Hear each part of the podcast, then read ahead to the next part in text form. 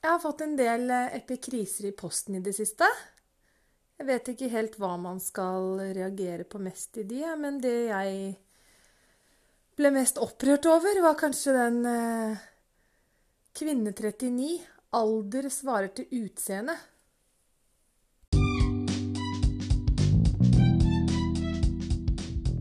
I Norge i dag er det litt over 200 000 mennesker med en stoffskiftesykdom. Jeg har den som heter Graves, som ligger under høyt stoffskifte. I tillegg fikk jeg i fjor vite at jeg har en medfødt hjertefeil som heter ASD. I denne podkasten skal jeg snakke litt om høyt stoffskifte og ASD.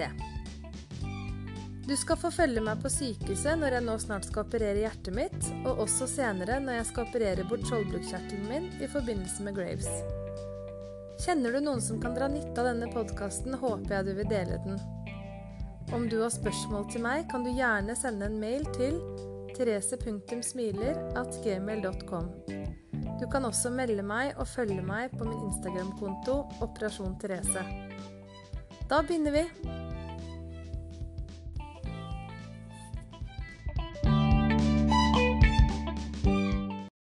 Nå er det veldig lenge siden jeg har uh, ikke laget podkast, men det er lenge siden jeg har publisert noe. Det er litt fordi um, jeg har ikke helt bestemt meg for Noen dager så har det vært skikkelig vært skikkelig lei meg. Og noen dager så har jeg vært veldig glad. Og så har jeg ikke helt klart å bestemme liksom når det er best å lage podkast. Fordi jeg har jo ikke lyst til å på en måte lage podkast når jeg har det som verst og er kanskje litt engstelig eller uh, syk. For da har jeg vært redd for at jeg skal skremme noen. Og så har jeg tenkt at uh, å lage podkast når jeg er veldig, veldig glad, da har jeg tenkt at det er ikke helt sant. Så det har vært litt vanskelig å, å finne ut når jeg skal liksom ja, når det er best, da. Eh, så derfor så har jeg utsatt det litt. Men eh, nå er jeg eh, klar. Jeg tenkte at jeg bare skulle gå gjennom Bare oppdatere dere kjapt på hvordan den siste tiden har vært. Fra jeg ble skrevet ut av Tønsberg til nå som er eh, Nå er det syv uker siden operasjon. Ja.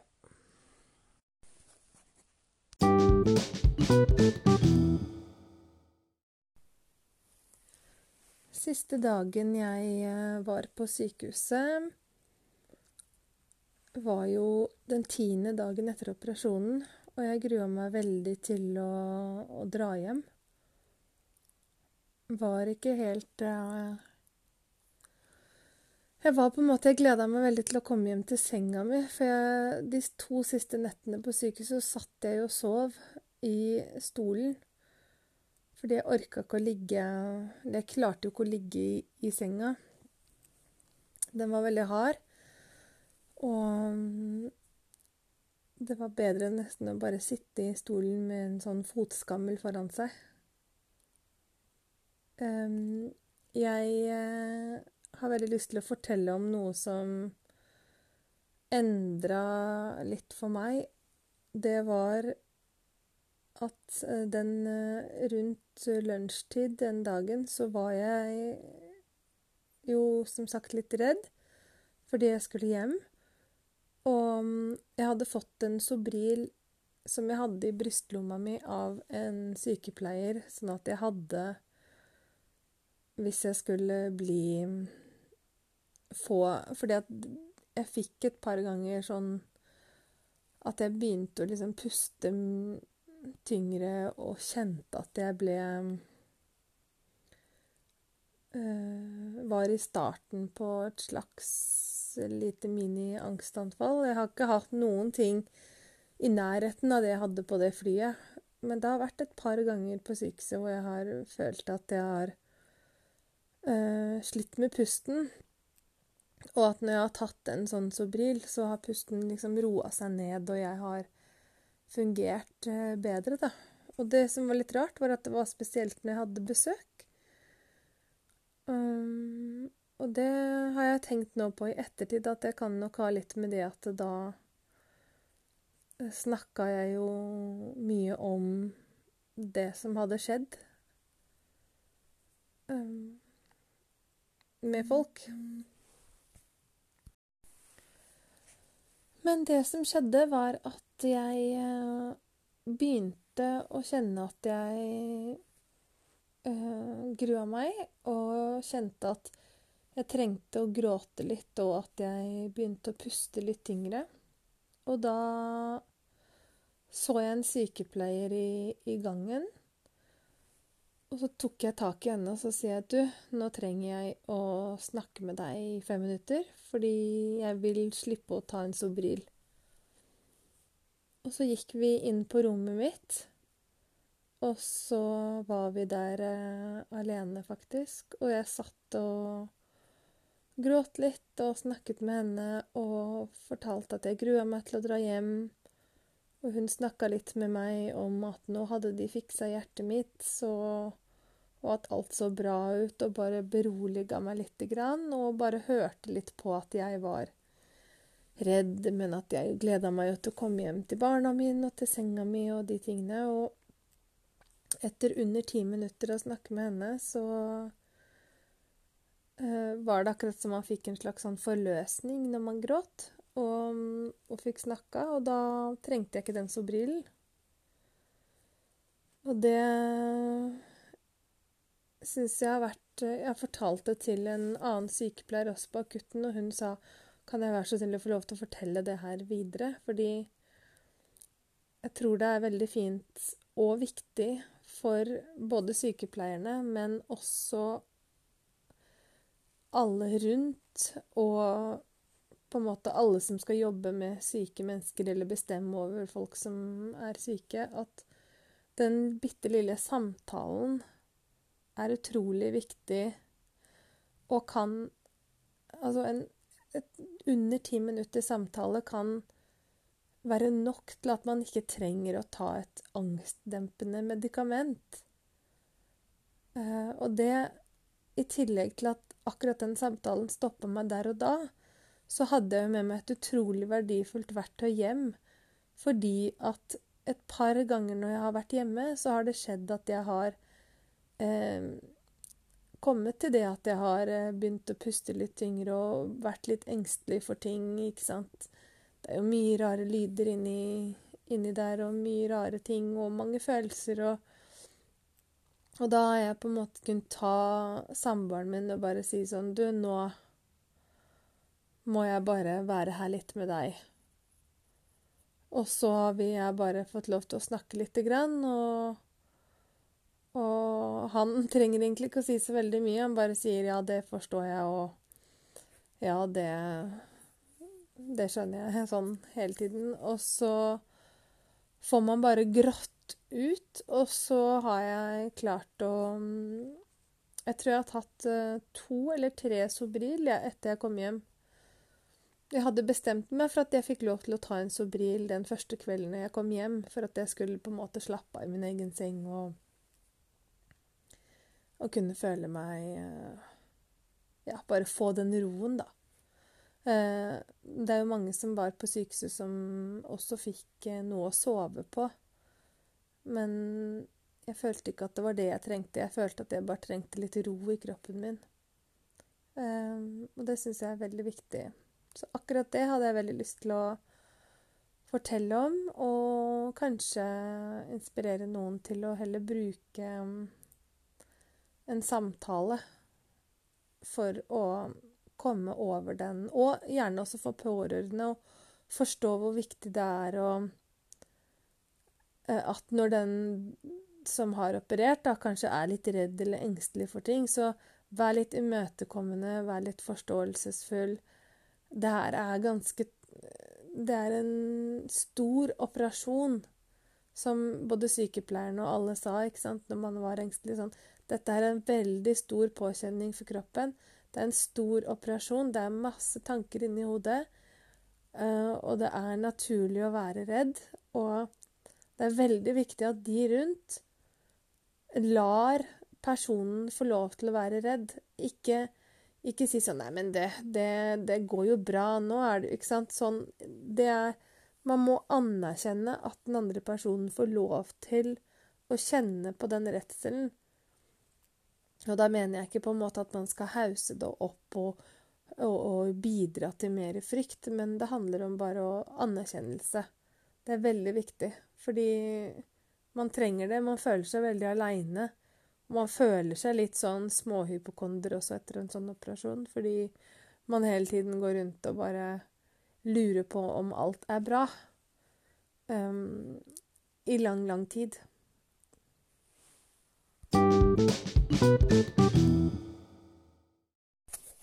Det har vært en del eh, opp og ned etter jeg kom hjem. Opp og ned, da mener jeg både humøret har vært opp og ned, eh, temperaturen min har vært opp og ned. Eh, ja, det mm, Allerede sånn cirka Det var vel halvannen uke etter at jeg eh, hadde blitt skrevet ut fra sykehuset, så var jeg jo mm, tilbake igjen. Eh, da var jeg på legevakta en søndagskveld. Da hadde jeg vært litt for aktiv. Da hadde jeg stått og sett på barna mine ake en time. Og mm, hatt en venninne på besøk som var her for å hjelpe meg, så hun gjorde det meste. Jeg hjalp så forsiktig med å dekke bordet og gjorde litt sånn småting. Eh, men ikke noe voldsom aktivitet. Men på kvelden da så fikk jeg i hvert fall eh, Hadde CRP-en min gått opp, og, og, jeg hadde fått eh, feber. Ikke mye. 38,6 eller 7 eller noe sånt. Mm. Eh, så da dro jeg på legevakta. Og på mandag Da fikk jeg time på um, sykehuset på mandag morgen, eller beskjed om å komme til akutten. Så da dro jeg dit. Og eh, der lå jeg ved siden av en mann som eh, Altså, når man kommer inn på akutten, så eh, Når de skal begynne å ta prøver og sånn, så kommer man inn på et rom, og der er det jo gjerne en person til. Eller to. Um, og der uh, var det en mann som hadde falt hjemme. Jeg husker, han var veldig Jeg lå jo der i fem timer, tror jeg. Jeg var på det rommet. Um, og da uh, Han mannen hadde falt hjemme. Han var uh, født på 1930-tallet. Og så satt jeg der, og Og det var liksom Så satt jeg der, og så kom legen inn til han. Og grunnen til at jeg forteller det her, er fordi det her var første gangen jeg lo ordentlig etter um, etter operasjonen. Eh, han ble spurt om eh, han visste hvem kongen i Norge var, eller om han kunne si hvem som var statsminister. Og jeg hadde jo ligget og hørt litt på hva han hadde sagt til sykepleieren og sånne ting, så jeg, og jeg var litt engstelig for at han kanskje hadde slått seg ordentlig.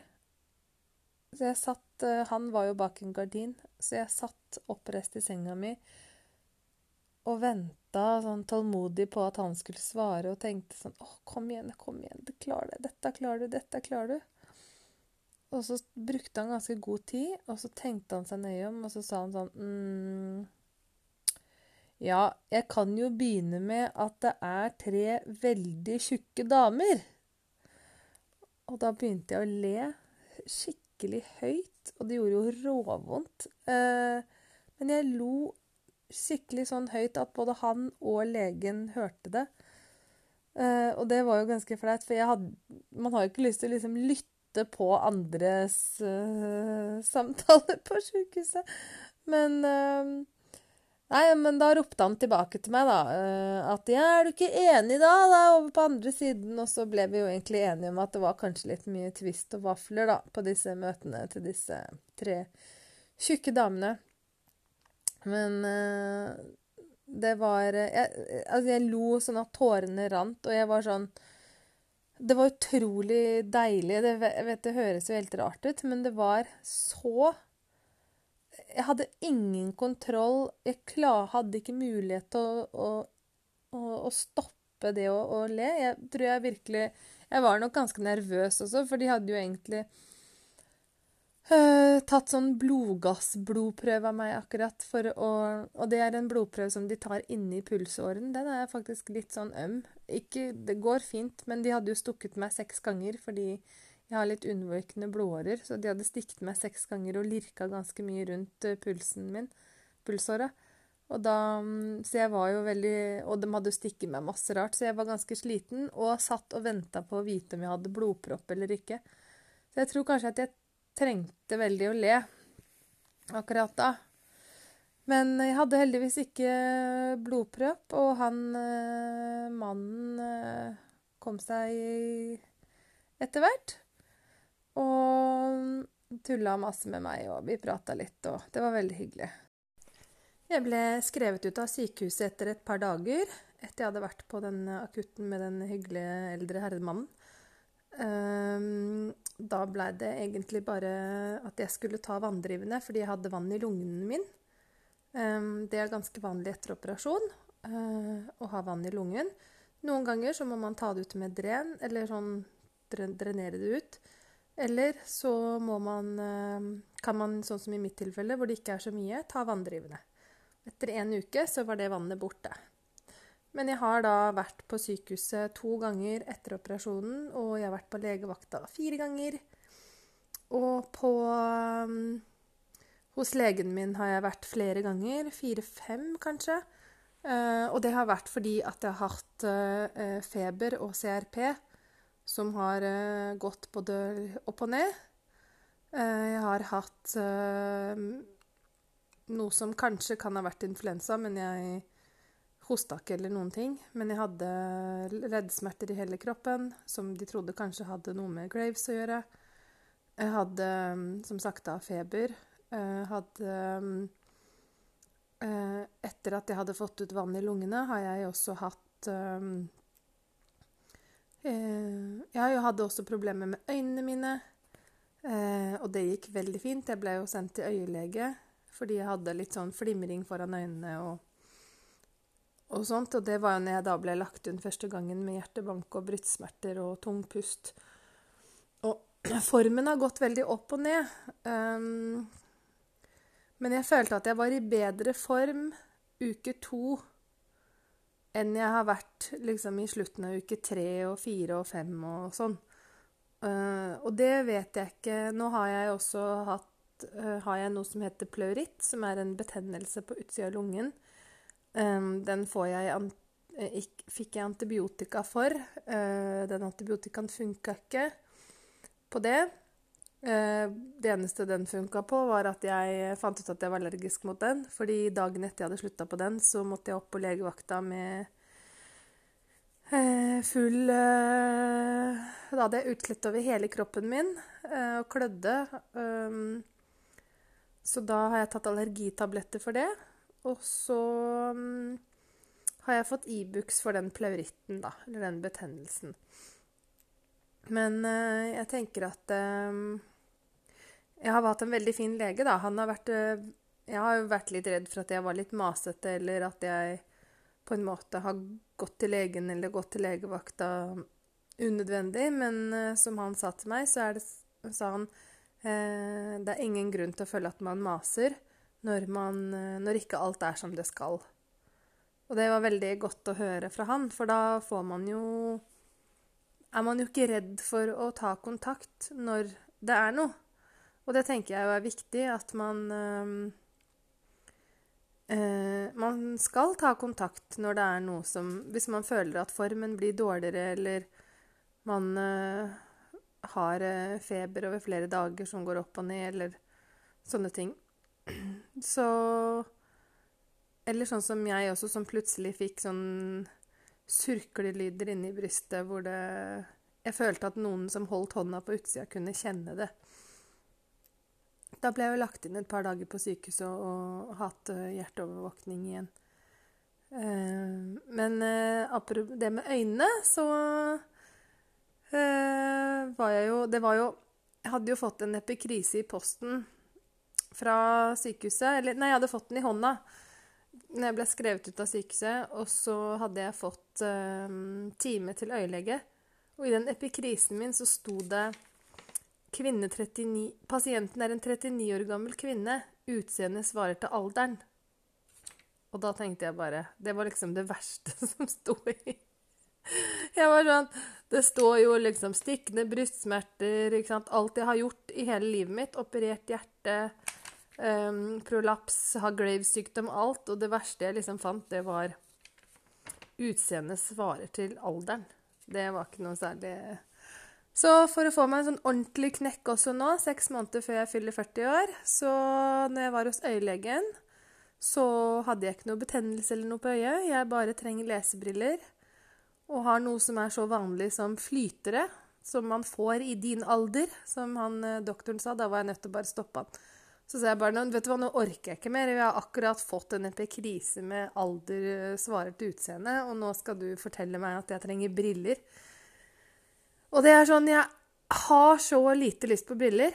Um, jeg er ikke noe fin med briller. Jeg passer ikke Det, ikke, det går ikke. Og jeg har uh, jeg har ett og et halvt år siden jeg var hos øyelege pga. at når man har stoffskifte, så får man jo Jeg har jo hatt betennelse to ganger. Og jeg eh, var jo der sist, og øyelegen sa at jeg hadde bedre syn enn hun hadde med briller. Og da tenkte jeg jo wow, dette her holder eh, Og jeg har skrytt ganske mye av det også, at jeg har veldig godt syn. Så mm, skikkelig nedtur. Eh, nå trenger jeg altså briller. Da tenker jeg bare at det er liksom tinnitus next, tenker jeg nå. Men vi får bare prøve å ikke jinxe det, for det, um, jeg har nok av ting. Men uh, jeg har i hvert fall hatt uh, mange sånne forskjellige um, rariteter som de har sjekket opp. Um, det eneste jeg nå har da, er jo at jeg har den betennelsen i brystet som går ganske greit, selv om jeg er nødt til å holde meg i ro. Så jeg får jo ikke trent eller gått turer på den måten som jeg hadde lyst til. Og um, så skal jeg nå um, om tre-fire uker, er det vel, så skal jeg til endokrinologen min. Fordi at eh, han skal jo kontrollere hvordan jeg har det etter operasjon. Det som er veldig fint, Eh, med den operasjonen, er jo at jeg har blitt veldig flink til å ta stoffskiftemedisinene mine. Jeg slurver ikke noen ting.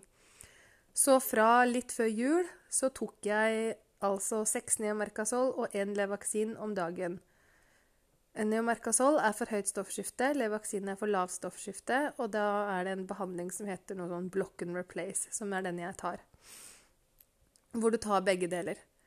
Um, siden jeg nå har vært så flink til å ta de medisinene, så har verdiene mine gått veldig ned. Klumpen i halsen er ikke borte, og jeg kommer til å måtte operere. Men jeg slipper å dytte så mye medisin inn i kroppen min. Eh, så nå har jeg gått ned til fire Neomercasol om dagen. Og de har også sjekket eh, Jeg har også tatt blodprøver eh, nå pga. at jeg har vært dårlig med feber og leddsmerter og sånne ting. Så har de også tatt blodprøver for å kontrollere at jeg ikke blir negativt påvirket, lever og sånne ting, hvite og røde blodlegemer, eh, pga. neomercazol. For det er en medisin som du helst ikke skal gå på altfor lenge, og jeg har gått på den nå i flere år. Eh, I tillegg, så om den 3. april, så skal jeg få dra på sykehuset og hente en sånn eh, eller få på meg en sånn eh, boks. Den kan du se på Instagrammen min. Der ligger det bilde av den hjerteboksen. Som jeg skal da få med meg hjem og ha på meg den i ett døgn. For når jeg var på sykehuset sist, så var det et par ganger uh, En gang hjertet mitt stoppa og hoppa over et slag. Og, og så hadde jeg to øh, ekstraslag ganske tett opptil hverandre, og det våkna jeg av på natta. Og seinest i natt nå, øh, og det har jeg også gjort litt før, men det har vært litt mindre i det siste, så har jeg våkna at jeg gisper At jeg gisper liksom etter pust, da. Jeg får puste, men jeg må trekke en sånn ekstra dypt um, bare. Men um, forrige uke var jeg på um, Siden jeg da hadde hatt litt plager, så har jo de på sykehuset gitt meg den kontrollen som man tar etter tre måneder. Den fikk jeg nå etter seks uker. Eh, og det er den eh, EKG-en som du tar inne hos en hjertelege på lokalsykehuset. Det er samme undersøkelsen som uh, man fikk før man skulle operere. Den uh, når man tar ultralyd og kikker på hjertet og alt rundt. Og da har jeg fått vite at blodåren min har det bra.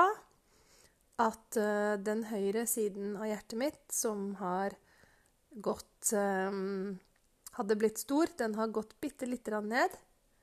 Bitte litt, ikke veldig mye, men lite grann i hvert fall. Og det er jo positivt. Og at uh, sånn trykkmessig så ser det ikke noen tegn til pulmonal hypotensjon eller noen andre trykkfeil. trykkfeil.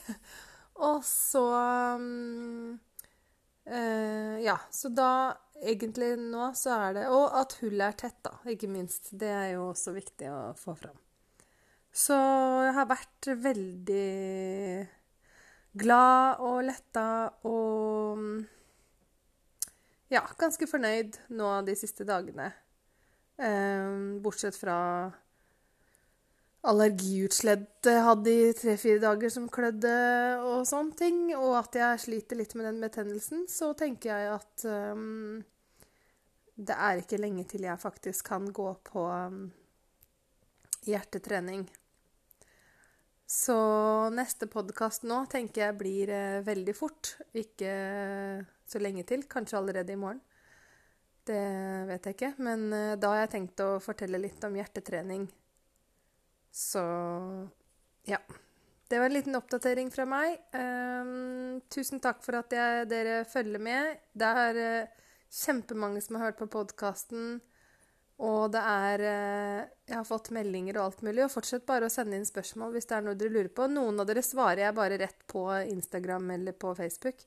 Det er bare å skrive til meg. Uh, og så tar jeg kanskje det bare med i den eh, spørsmålspodkasten. Jeg vil bare bli helt ferdig med På en måte, jeg vil bli litt friskere, da. Eller litt mer um, ute av denne første perioden. Uh, før jeg vil svare på spørsmål, fordi jeg tror jeg kan få en bedre At jeg kan gi bedre svar, da. Når jeg, når jeg også har fått flere svar, uh, tenker jeg. Um, ja, OK. Men da snakkes vi neste gang. Tusen, tusen takk for at dere hører på. Og alle dere som skal operere som jeg har fått melding av, lykke til. Jeg vet det er ei som skal operere denne uka her, så masse, masse, masse lykke til. Ha det!